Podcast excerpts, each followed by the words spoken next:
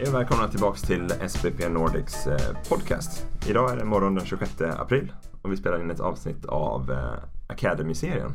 Det är jag, Oskar Perers, transaktionsansvarig som vanligt. Och jag, Mattias Ivenmark, eh, också transaktionsansvarig.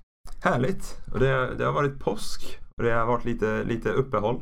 Uh, ja, lite korta veckor här. Tid för annat. Vad har du varit ute och gjort då?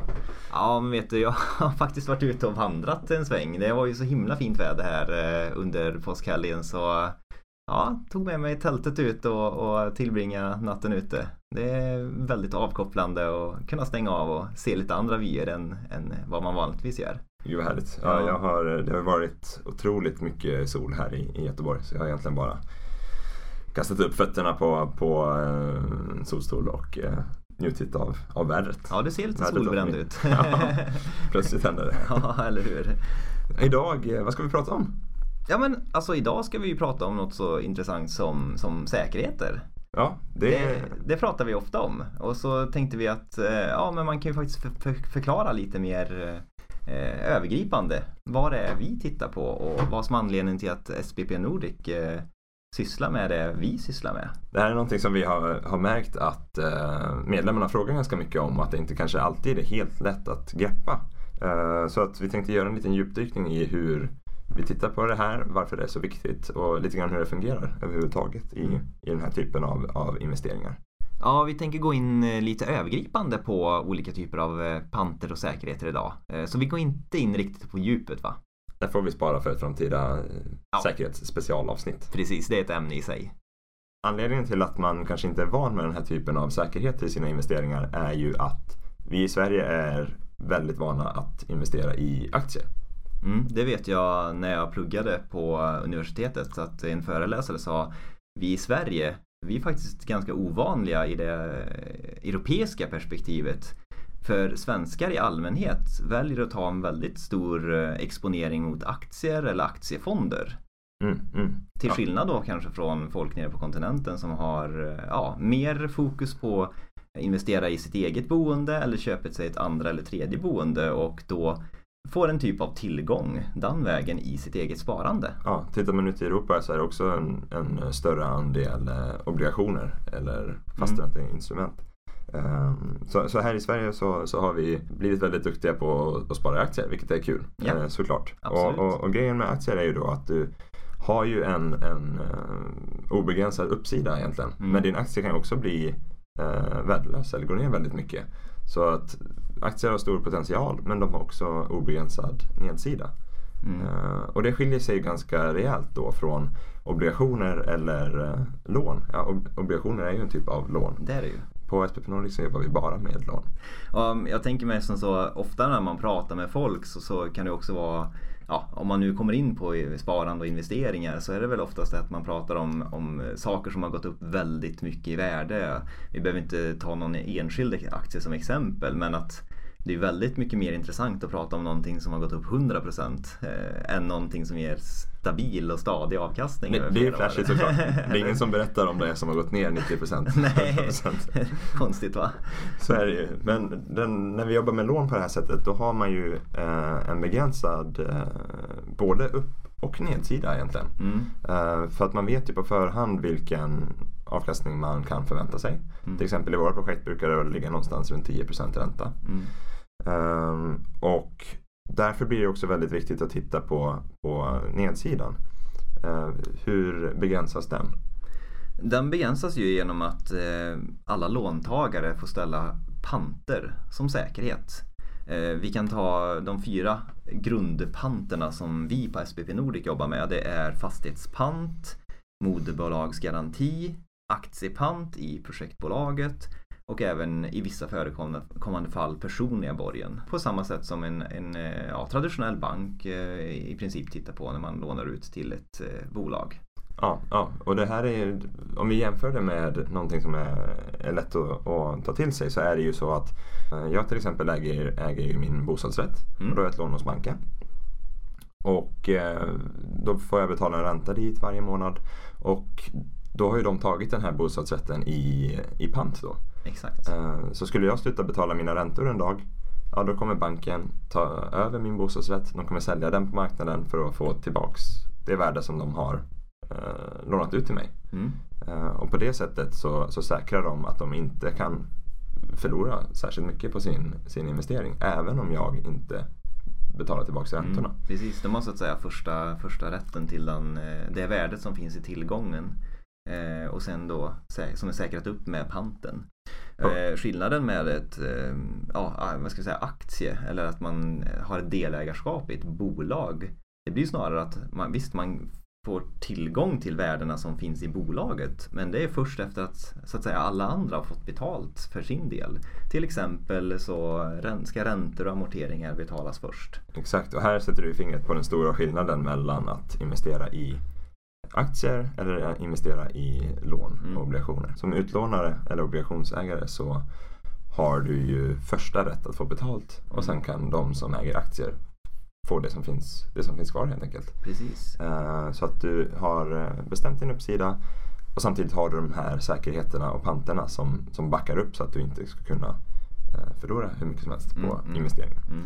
Det är ju någonting som man har sett också historiskt att har man har man alltså lånat ut pengar som är säkerställda mot en pant i till exempel en fastighet så har man i allmänhet haft väldigt goda möjligheter att faktiskt få tillbaka hela värdet eh, i och med att man kan sälja tillgången. Jämför det till exempel då med en, ja, om vi tar aktier. Eh, det är ju många som pratar om så kallade frimärksaktier, eh, sådana som inte kostar så mycket per styck. Eh, de kanske har väldigt stor uppsida. Alltså de kan ju, om de verkligen lyckas eh, gå upp ja, obegränsat egentligen om man säger så. Det finns dock också en, en, eh, en nedsida att det kan, bolaget kan gå i konkurs och, och då blir ju ens aktier också värda noll faktiskt. Precis. Men om vi konkretiserar lite grann nu då de här fyra, du nämnde de fyra olika liksom, grundtyperna yes. som vi eh, brukar jobba med. Yes. Och, och, det kan man ju säga då att de här kan man ju pussla ihop på hur många sätt som helst. Man kan ju ha flera aktiepanter eller flera olika typer av borgen eller pant i flera eh, olika aktiebolag. Men om, om, vi bara, om du kan spesa upp för mig hur, eh, vad innebär varje? Med en kort liksom, summering. Om vi tar, om vi börjar... hur, kort ska jag vara? ja, väldigt kort. Okay, väldigt det blir kort. Fastighetspant. Ja, fastighetspant. Då är det samma som du sa förut. Är, om man till exempel köper en bostadsrätt eller villa själv så tar banken eh, pant i den bostaden. Och det fungerar på exakt samma sätt här. Att en, en fastighet som vars värde eh, helt enkelt är pantsatt till låntagaren. Och då kan det vara den fastighet som kanske byggs upp då under, under ja, det här Det kan även vara andra fastigheter som finns inom koncernen som, som tar upp lånet i vårt fall. Då. Bra. Aktiepant? Aktiepant, då är det att låntagande bolag men även i, i förekommande fall andra bolag i, i koncernen som då mm, ger hela sitt aktieägande i bolaget som säkerhet. Eh, vilket faktiskt innebär att skulle det då eh, hända någonting under tiden så kan eh, man som låntagare få ta över värdet av aktierna. Alltså man tar över aktierna och det säkrar upp värdena som finns i det bolaget också. Så typexemplet är egentligen att okej, okay, man lånar ut pengar till ett bolag. Det bolagets aktier är ställt som säkerhet. Så då kommer man också åt värdena den vägen att man tar över aktierna och då också har man äganderätten eh, i slutändan till tillgångar och värden som finns i bolaget. Moderbolagsborgen? Ja, då är, handlar det om eh, en koncern helt enkelt. Det finns minst två bolag och eh, låt säga att eh, det låntagande bolaget är ett dotterbolag till ett annat bolag som det här moderbolaget då kanske har eh, andra typer av tillgångar och eh, ställer då eh, så att säga ut en säkerhet. Man säger att vi som moderbolag, vi garanterar att vårt dotterbolag faktiskt betalar tillbaka sina, till, sina lån. Och har de inte tillräckligt stora tillgångar eller värden i bolaget så kommer vi i moderbolaget att stå för resterande värde som ska betalas tillbaka. Och det här är ju väldigt fördelaktigt till exempel om man eh, som i fastighetsutveckling. Då kanske man har ett dotterbolag som utvecklar ett visst projekt. Och då är det ju så att säga, visst man har fastighetspant och kanske andra panter i det låntagande dotterbolaget. Men det finns också betydande värden i hela moderbolaget. Som man kommer åt. Superbra. Och den sista då, personlig borgen? Ja, personlig borgen. Det är ett eh, personligt åtagande från eh, privatpersonen eller privatpersonerna som står bakom bolaget. Eh, det kan till exempel handla om att ja, det kan vara ett nystartat bolag och, och där det inte finns så mycket uppbyggda tillgångar ännu. Men att man som blir personligt ansvarig för att betala skulderna också som ett bolag tar upp. Och det, där handlar det också om att där finns alla möjligheter i världen att faktiskt gå in och då eh, realisera värden som eh, står på en privatperson eh, i dens ägande.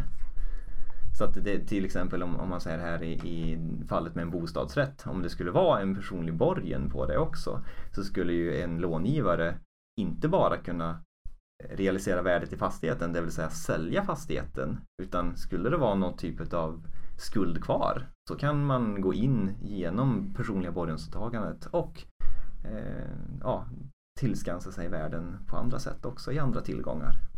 Jättebra sammanfattningar tycker jag. Och, och, och var det kortfattat? Ja, men det, var, det, det, det, kan vi ha en omröstning om.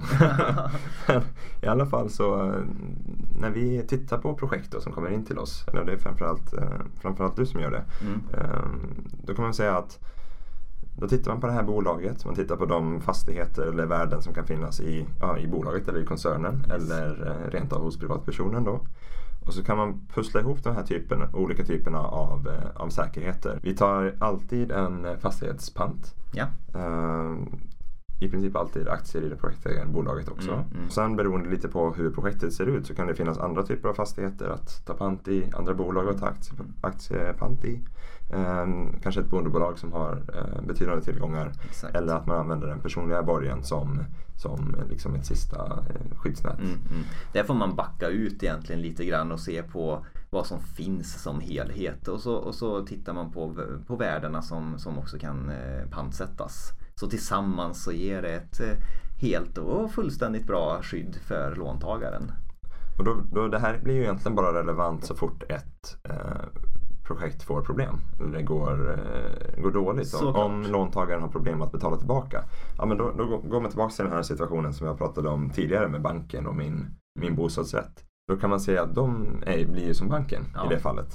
Och då tittar man på vilka säkerheter finns och eh, sen realiseras de helt enkelt för att man ska få tillbaks så mycket pengar som bara är möjligt och då förhoppningsvis allt som man har lånat ut plus sin ränta. Exakt, och det var ju precis det här som vi pratade om i inledningen. När man har en fastställd ränta på förhand, ja då är det en begränsad uppsida. Men det fina med det här är också att man har en begränsad nedsida. Ja, och... och det är egentligen faktiskt helt enkelt skillnaden mellan andra typer av finansieringar och de här lånebaserade lösningarna. Exakt, för, för, man kan ju veta då på förhand hur mycket ska jag få och vad finns det för säkerheter? Vad är de värda? Mm. I bästa av världar så har du ju jättemycket säkerheter för ett litet lån. Mm. Ja, men då, då, då är definitivt nedsidan väldigt begränsad. Du, jag kom på det. Får jag göra en liten utläggning om det här med tillgångar? Ja, är det okej? Okay? Absolut. För jag tänkte på det, nu har vi sagt mycket om tillgångar. Men jag vill bara flika in lite grann att hur tittar man på en tillgång egentligen? Ja, alltså lite hårdraget då tänkt så, så säger man att en tillgång, dess, dess värde är ju antingen eh, bestämd utifrån vad framställningskostnaden är. Alltså hur mycket kostar det för ett företag att skapa tillgången i, i formen av eh, hus. Så är det helt enkelt, okej okay, hur, mycket, hur mycket pengar har man lagt ner på, på fastigheten, på markarbeten, på att bygga upp huset eh, för att få eh, den statusen det är idag. Det andra sättet att värdera en tillgång, ja det är helt enkelt hur mycket den skulle vara värd som ett öppet marknadspris vid en försäljning. Mm, mm, marknadsvärdet. Ja, marknadsvärdet. Exakt. Så ehm, då får man också en känsla för lite mer vad, vad kan man, hur kan man bedöma ett värde? Okej, det finns återförsäljningsvärde på det och det finns också ett värde som det har kostat för att framställa tillgången. Och det här i våra projekt och materialet som vi tar fram i, i, i de lån som vi jobbar med på SPP Nordic då beskriver vi ju hur de här tillgångarna har värderats. Mm. Uh, ofta finns det också fackmannamässigt utförda värderingar som Just går det. att tillgå direkt på, på vår hemsida. Då. Mm, mm. Ehm. Det finns ju ett antal eh, välrenommerade värderingsinstitut i Sverige som eh, ja, alla som jobbar i vår bransch eh, arbetar med. Ja, ja absolut. Mm. Sen har det hänt lite roliga saker på plattformen här också. Senaste projektet i, i Uppsala har stängt för täckning. Ja. Och vi ser fram emot nästa projekt som kommer. Ja. Så håll utkik efter, efter det projektet. Mm, Ehm, Också den här London-tävlingen som vi har nämnt. Just det. Vi har ju fått väldigt många deltagare i tävlingen. Det var väldigt kul att se. Ja, Jag tänker det- att eh, London och, och hade varit så intressant ämne. Ja, det verkar vara eh, populärt bland, bland medlemmarna. Eh, Ja. Verkligen. Fått in jättemycket roliga eh, motiveringar Ja. eh, som vi nu håller på att gå igenom då för att välja ut en, en vinnare. Ja, vi, vi kommer till, tillkännage det inom kort. Ja, så håll utkik efter det också. Mm. Tills vi hörs igen helt enkelt. Ja. Tack för idag. Tack så mycket. Hej då!